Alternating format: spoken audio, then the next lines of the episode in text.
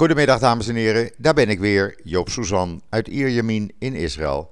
Met mijn uh, nieuwspodcast, maar zoals u inmiddels uh, begrepen heeft, op donderdag ook wat uitgebreider met wat achtergrondnieuws erbij. Eerst even het weer. Ja, uh, eh, 26 graden. Het is een beetje heilig, maar het is lekker. Briesje erbij. Prima uit te houden. En het weekend, wat vanavond dus eigenlijk begint in Israël dan wordt het 30 graden. Het wordt trouwens het Lag Beomer uh, weekend. Betekent dat uh, duizenden mensen, eigenlijk mag je wel zeggen van honderdduizenden mensen, uh, vannacht opblijven, fikkie gaan steken. er gaan 10.000 mensen naar de berg Meron. Daar vinden allerlei rituelen plaats. Meer dan 10.000 mochten niet van de politie. Er mag ook weinig vuur gemaakt worden daar vanwege het brandgevaar. Ehm, maar dit weekend wordt het uh, ja, zo rond de 30 graden. Daar moeten we het dan mee doen. En dan eerst even, ik heb het al op uh, mijn Twitterlijn gezet. Uh, de mededeling dat ik uh, per heden gestopt ben met uh, mijn medewerking aan joods.nl. Er zijn uh, meningsverschillen met de eigenaar. Uh, allerlei beperkingen werden er ingevoerd. eerder al moest mijn broer Simon Suzan het toneel van het toneel verdwijnen. het was voor mij onmogelijk om nog verder mee te werken aan deze populaire website. Het doet pijn, heel erg pijn. Ik heb in 2,5 jaar geprobeerd die website uh, op te bouwen uh, om u te laten weten hoe het dagelijkse leven in Israël is. Wat er hier gebeurt, de uitvindingen, de economie. Eh, gewone simpele zaken. Gewoon het dagelijks leven, de dagelijkse realiteit in Israël. Ik kan dat dus nu helaas niet meer via JoodsNL doen. Maar u bent niet van mij af. Uh, voorlopig uh, via Twitter en ook Facebook blijf ik u berichten over het dagelijks leven in Israël. Daarnaast natuurlijk de dagelijkse nieuwspodcast. En uh, ik ben in gesprek met een aantal websites die gevraagd hebben van... Goh, wij vinden het toch belangrijk dat jij dat nieuws blijft verspreiden. voel je er wat, wat voor om bij ons het een en ander te publiceren? Ik zit er nog even over te denken. Uh, JoodsNL zit me nog vers in mijn, uh, in mijn lijf, laat ik het maar zo zeggen. En dan is het niet makkelijk om te zeggen: oké, vandaag schrijf ik voor JoodsNL en morgen ga ik vrolijk verder bij iemand anders. Ik moet dat nog even laten bezinken. Voorlopig uh, in ieder geval via social media en de podcast. Ik zal u zoveel mogelijk op de hoogte blijven houden van wat er hier gaande is. Ik krijg de persberichten van bedrijven. Ik krijg uh, de persberichten van uh, de overheid. Ik krijg de persberichten in mijn mailbox van de IDF, et cetera, et cetera. Dus aan nieuws geen gebrek en ik zal u dat ook doorgeven. Ik wil wel iedereen uh, bedanken voor alle steun die ik sinds het bericht op Twitter verscheen en op Facebook voor al die honderden mensen die zulke lieve berichtjes stuurden en zoveel steun gaven. Dat voelt goed, dat doet goed. Eh, dan even terug naar het nieuws. En dan beginnen we met uh, het uh, COVID-19 nieuws. Woensdag ruim 34.000 mensen getest, 34.173 om precies te zijn. Er bleken er precies 100 positief te zijn getest. Er liggen nu nog slechts 1570 uh, actieve patiënten thuis of in ziekenhuizen. De meeste thuis, want in de ziekenhuizen liggen iets van uh, eh, 185 mensen. Daarvan uh, zijn er 68 kritiek en 65 liggen aan de beademing. Het dodental staat op 6361. Uh, ik moet er wel bij zeggen dat er enige angst in Israël is ontstaan vanwege het feit dat er op verschillende scholen, vijfstal scholen, leerlingen zijn ontdekt die besmet bleken te zijn met de Indiaanse variant. Omdat leerlingen nog niet ingeënt zijn, nog niet gevaccineerd zijn tot 16 jaar, maakt men zich nu behoorlijk wat zorgen hoe dat verder op die scholen gaat. Al die kinderen worden getest op dit moment. De resultaten zullen later vandaag of morgenochtend bekend worden. Het is ook bekend dat er 41 mensen uit het buitenland terug zijn gekomen. Voornamelijk uh, mensen uit, uh, uit India en Mexico. Ingezetenen van die landen die hier werken. Uh, en die bleken dus de Indiaanse variant te hebben. Ehm, die hebben ze dus het land ingebracht. Onder de mensen die terugkwamen bleken er ook vier te zijn die gevaccineerd te zijn. die zijn niet ernstig ziek. Dus het schijnt dat het vaccin zijn werk doet. Maar nogmaals, het is afwachten. De geleerden zijn het hier niet over eens of uh, het Pfizer-vaccin nu wel of niet afdoende werkt tegen die variant. De Pfizer-CEO had gisteren gezegd, naar zijn idee werkt het. Hier zeggen de uh, virusspecialisten, we hebben onze twijfels, maar we doen er onderzoek naar en we proberen zo snel mogelijk te ontdekken of dat ook zo is. Dus ja, voorzichtigheid blijft, blijft geboden. En dat blijkt ook wel uit het feit dat uh, sinds de mondkapjesplicht op straat hier afgeschaft is, twee weken geleden, hebben opeens duizenden Israëli's last van normale verkoudheden. Een lopende neus, een hoest, uh, iedereen in paniek natuurlijk naar de dokter laten testen. Uh, blijken gewone verkoudheden te zijn. Wat blijkt? Door het dragen van de gezichtsmaskers kregen simpele verkoudheidsvirussen geen kans. Eh, vandaar ook dat er ook geen griep is geweest de afgelopen winter in Israël. Eh, nu die mondkapjes af, af, zijn en het weer was een beetje wisselvallig, eh, ja, heeft opeens eh, tienduizenden Israëli's zijn verkouden. Ik eh, ken ook gevallen van mensen die opeens longontsteking kregen. Dus ja, misschien moeten we toch maar weer het mondkapje buiten op gaan doen.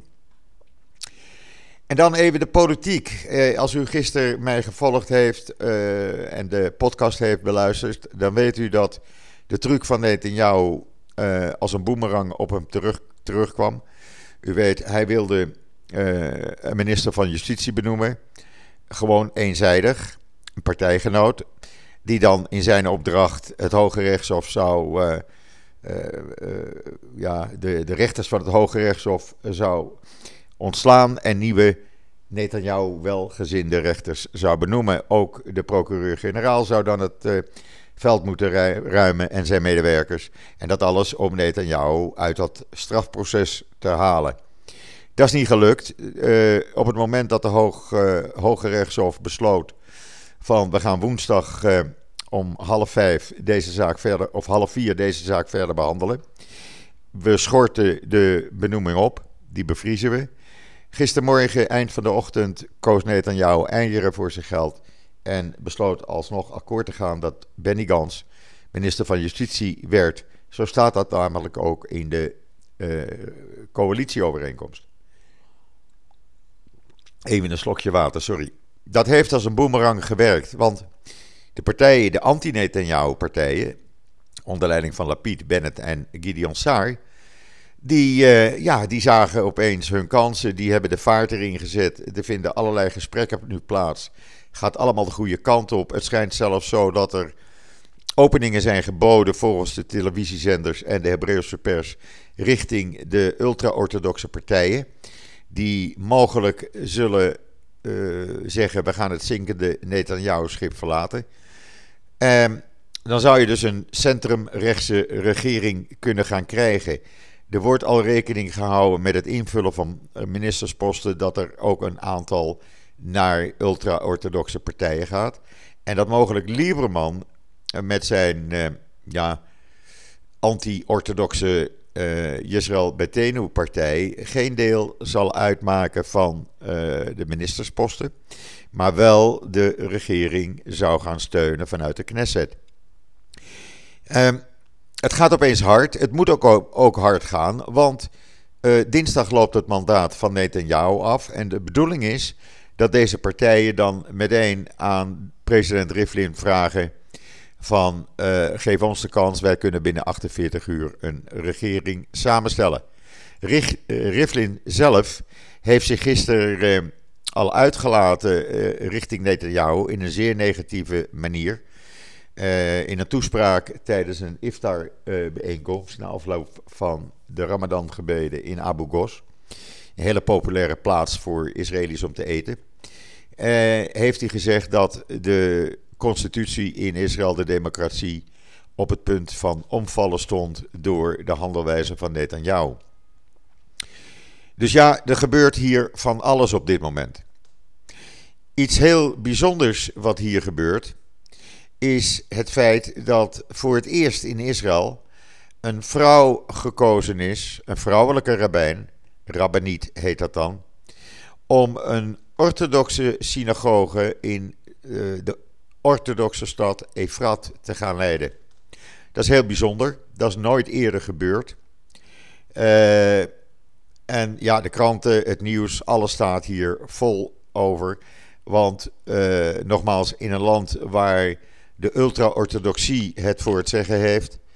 Uh, en tegen zeg maar elke wijziging is, is het toch bijzonder dat dan een orthodoxe Joodse gemeenschap deze vrouw als hun spiritueel leider heeft gekozen. Ik vind dat bijzonder, ik vind dat mooi en moet ook kunnen, het is ook normaal. Um, u zult daar binnenkort nog wel meer over horen. U kunt het verhaal trouwens lezen op mijn timeline. En dan zijn er, uh, ja, vanwege Lachbe Omer, zijn er 5000 agenten gestationeerd op de berg Meron. Er is ook veel medische assistentie aanwezig, omdat de temperaturen, zoals ik u al zei, boven de 30 graden gaan komen. Men wil de zaak in de hand houden. Men wil zorgen dat er geen branden uitkomen. Dus zijn er maar een paar plaatsen uitbreken. Dus zijn er maar een paar plaatsen aangewezen waar uh, fikkie gestoken kan worden. Ik liep gisteravond even met de hond hier langs de kust. Daar werden op open velden uh, hele feestpartijen gehouden met kampvuren. Ja, het is een traditie. Voor mij hoeft het niet, want het geeft ook een enorme milieuverontreiniging. Maar goed, als dat dan moet, uh, dan moet dat maar.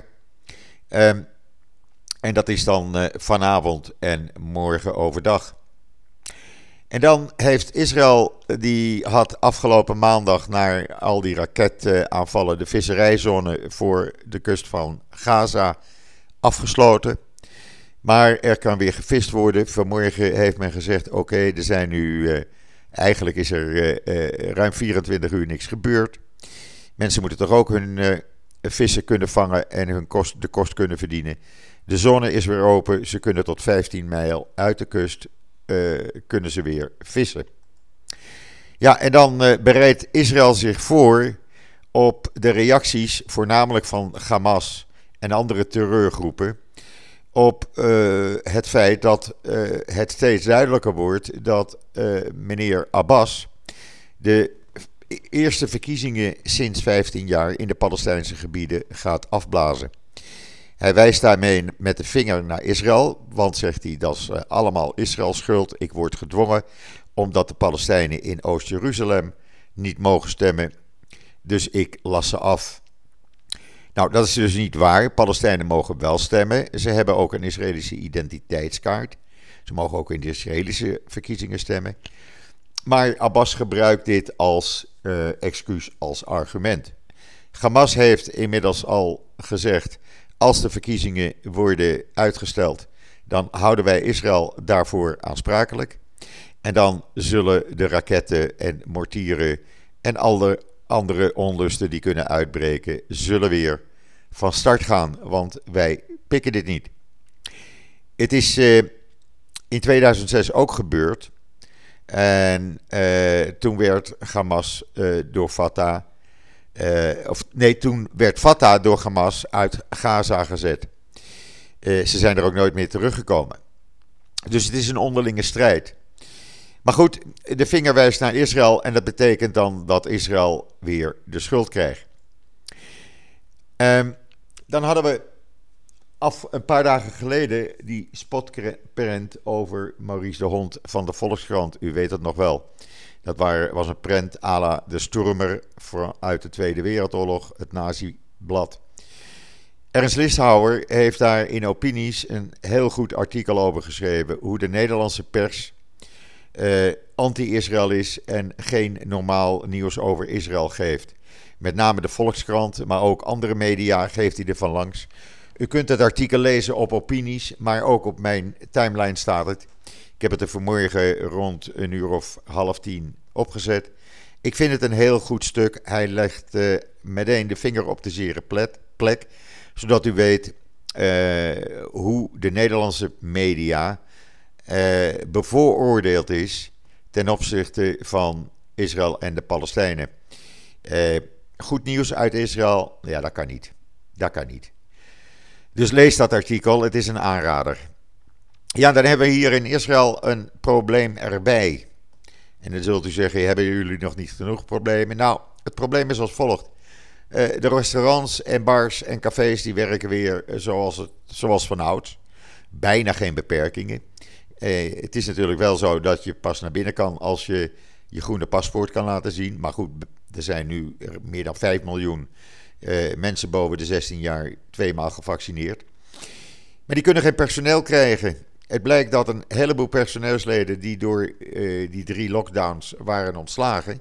En vooral tijdens de laatste lockdown, die drie maanden duurde. Uh, die hebben andere banen. En een groot aantal wil niet eens meer terugwerken. Want die verdienen op dit moment hetzelfde inkomen van hun uitkering. Als dat ze als uh, werker in een horecagelegenheid verdienden. Dat is een groot probleem. Een restaurant wat bijvoorbeeld 12 mensen in dienst had voor de corona-uitbraak, uh, heeft er nu nog maar vier. Kunnen dus niet uh, snel genoeg werken. En dat is toch wel een probleem. Men probeert dat op te lossen doordat de regering zegt: Nou, kijk, die speciale tegemoetkoming aan mensen die hun baan door corona zijn verloren, die stoppen we toch in uh, eind juni. En hopelijk gaat men dan weer terug aan het werk. Een ander probleem wat er is, is dat er uh, in de high-tech duizenden banen beschikbaar zijn. Duizenden banen. Vanmorgen werd aangekondigd dat Intel, de chipsfabrikant die hier uh, uh, 12.000 mensen al aan het werk heeft, opnieuw duizend mensen nodig heeft bij het eind van het jaar voor een nieuwe campus in Haifa die ze op dit moment bouwen en die 200 miljoen dollar kost. Ze kunnen ze niet krijgen. Uh, Google uh, zoekt mensen, Amazon zoekt mensen omdat ze hier chips gaan maken. Uh, er zijn op dit moment is er een tekort, schat men, van minimaal 13.000 mensen in de high-tech. En als u dan vraagt, wat kan ik uh, verdienen in de high-tech? Nou, het gemiddelde salaris in de high-tech ligt zo rond de 9.000 euro. 36.500 uh, shekel. U kunt dat lezen op mijn timeline. Daar heb ik een artikel met alle salarissen in de high-tech beroepen neergezet. en dan ziet u dat er goed verdiend wordt, dat je in de high-tech ja, zelfs tot 15.000 euro per maand kan verdienen. Lees dat artikel, het staat op mijn timeline, dan weet u precies ja, of het interessant is. Zit u in de high-tech, zoekt u een baan, wil u lekker weer ik zou zeggen, probeer een contract te krijgen bij een Israëlisch bedrijf en kom lekker hier wonen. De zomer komt eraan. We hebben tot oktober geen regen. en je verdient ook nog eens lekker. Gewoon een tip hoor van Joop. En dan Google gaat niet alleen chips bouwen. Maar heeft nu ook samen met de Universiteit van Tel Aviv een programma opgezet waar tien projecten zijn geselecteerd op basis van artificial intelligence. Heel interessant, het blijkt dat er steeds meer van buiten bedrijven, dat, dit is dan Google, maar Microsoft heeft hetzelfde, naar Israël komen om hier dit soort projecten te gaan uitvoeren. U kunt het ook lezen op mijn, mijn timeline, dan weet u precies hoe dat in elkaar zit. Uh, ja, de high-tech hier die bloeit en groeit als nooit tevoren. En eh, het mooie is dat de high-tech heeft helemaal geen last gehad van de lockdowns. Uh, iedereen is van huis uit gaan werken. En uh, ja, men hoefde niet uh, mensen te ontslaan eigenlijk. Integendeel, er zijn zelfs mensen aangenomen. En er zijn tijdens de lockdowns ook deals, grote deals gemaakt. Zelfs een deal, een overname van een Israëlische start-up van meer dan 1 miljard dollar. En dat is alleen maar online gegaan via Zoom. Dus ja, de high-tech in Israël die staat nu uh, in de top 4 uh, wereldwijd. En dat zal alleen nog maar hoger en hoger worden. Er is veel samenwerking met Nederlandse high-tech bedrijven. Er zitten ook veel Israëlische high-tech bedrijven die uh, filialen zeg maar, in Nederland hebben. Uh, ja, nogmaals, ben je ge geïnteresseerd in uh, werken in de high-tech? Ik kan het me zo voorstellen. ga kijken bij de belangrijkste Israëlische bedrijven op hun website. Die zijn allemaal in het Engels. En kijk welke bedrijven je aanstaan. Het zou een goede zaak zijn. Um, ja, ik heb u wat achtergronden verteld. Ik heb u verteld hoe ik jammer genoeg niet meer werkzaam ben voor mijn wederwerking verricht voor JoodsNL. Uh, u kunt ja, via mij blijven volgen. Natuurlijk blijf je op de hoogte van wat er hier gebeurt. Want ik zal geen minuut stoppen met het doorgeven van het echte nieuws zoals het dagelijks van minuut tot minuut gebeurt hier in dit prachtige land. Uh, wij zitten tegen het weekend aan. Ik wens u alvast een heel fijn en mooi weekend toe. Uh, Shabbat Shalom vanuit Israël. En wat mij betreft, ik ben er zondag weer. En zeg ik tot ziens, tot zondag.